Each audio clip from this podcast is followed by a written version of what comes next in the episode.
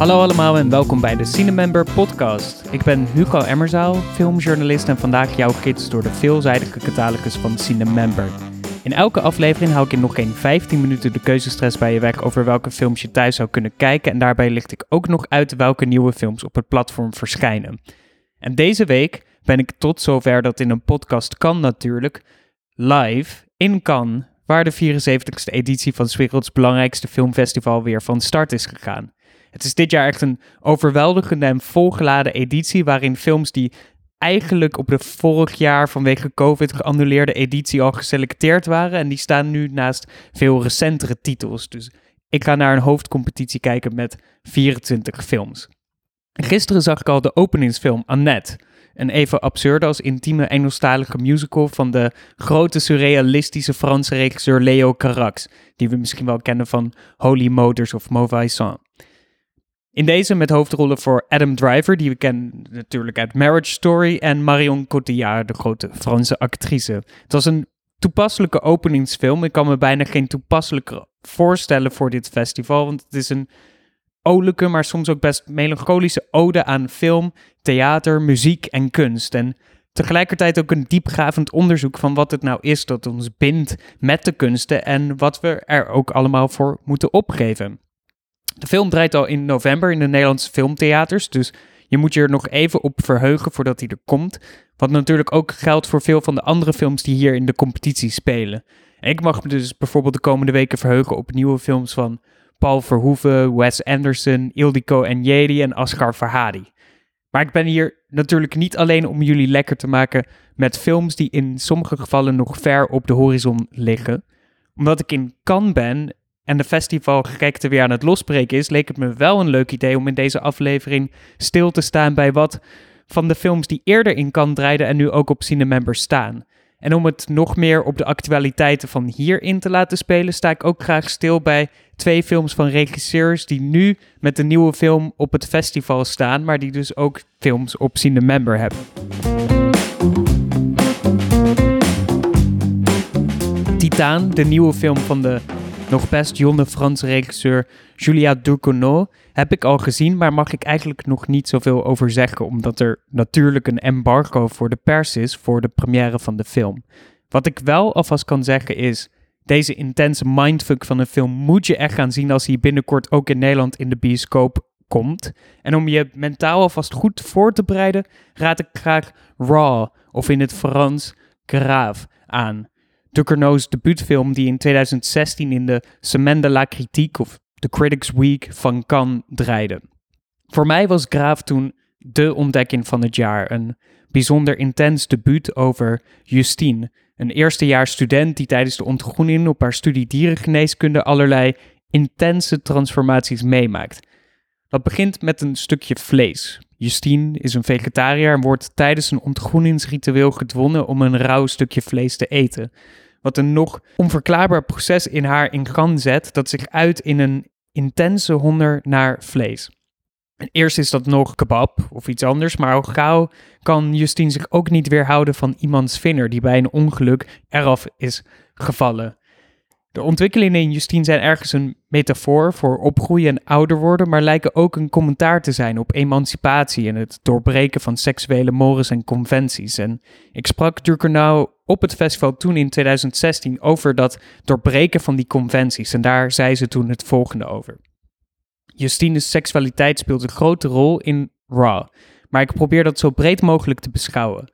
Seksualiteit is een kwestie van persoonlijke momenten en daar wil ik geen hokjes omheen plaatsen. Daarom doet Justine het met haar homoseksuele vriend. Daarom zoent ze met een meisje en met haar vriendje.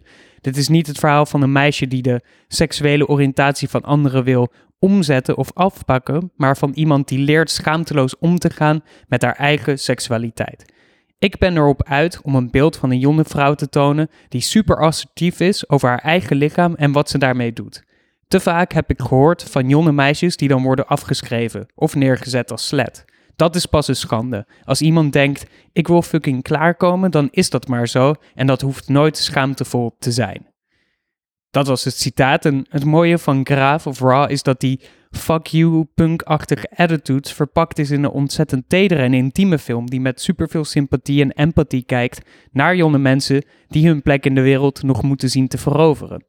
Een knap staaltje filmwerk dus, als je cannibalisme teder in beeld kan brengen. En dat zegt wat mij betreft veel over wat voor een fantastische regisseur Julia Ducournau is, die zich zichtbaar laat inspireren door, maar zich ook echt mag scharen naast briljante filmmakers als Claire Denis en David Cronenberg. En dat bewijst haar nieuwe film Titaan opnieuw, maar daar mag ik het dus pas later over hebben, maar gaan we het gauw genoeg volgens mij wel een keer verder over praten.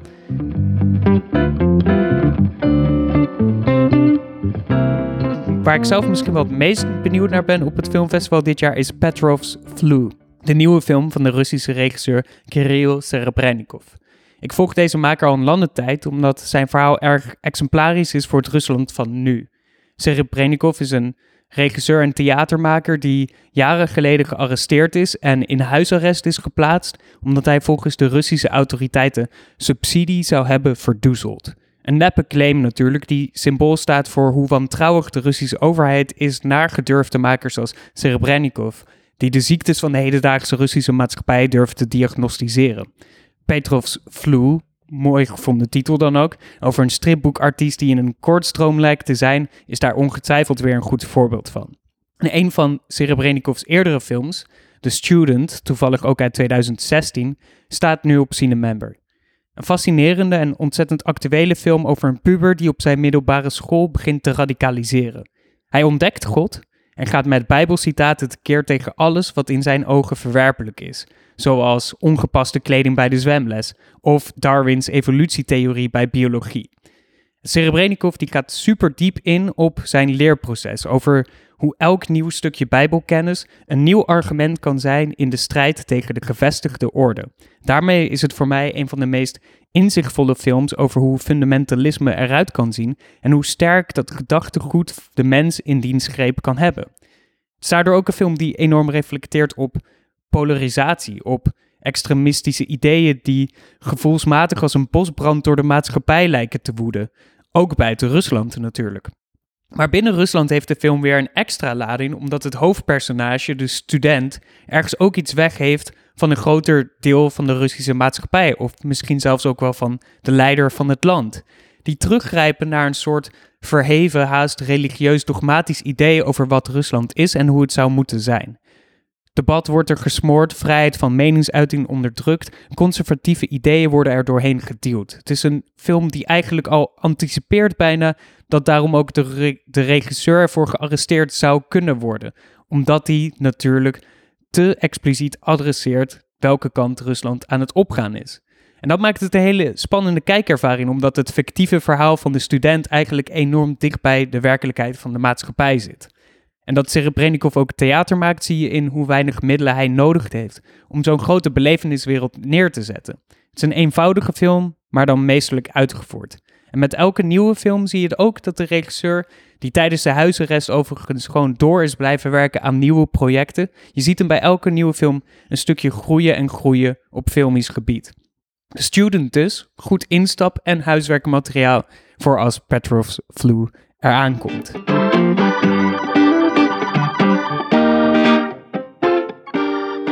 Hier hou ik het qua nieuwe kantitels even bij. En qua films die dan ook op Cinemember staan. Want ik moet zo weer de festivalgekte induiken. Maar wat ik je natuurlijk niet wil onthouden... zijn de nieuwe films die deze week op Cinemember zijn verschenen. Het zijn er flink wat. Vier nieuwe films zijn deze week op het platform gezet... die allemaal bedoeld zijn voor kinderen... maar eigenlijk bijzonder geschikt zijn voor het hele gezin.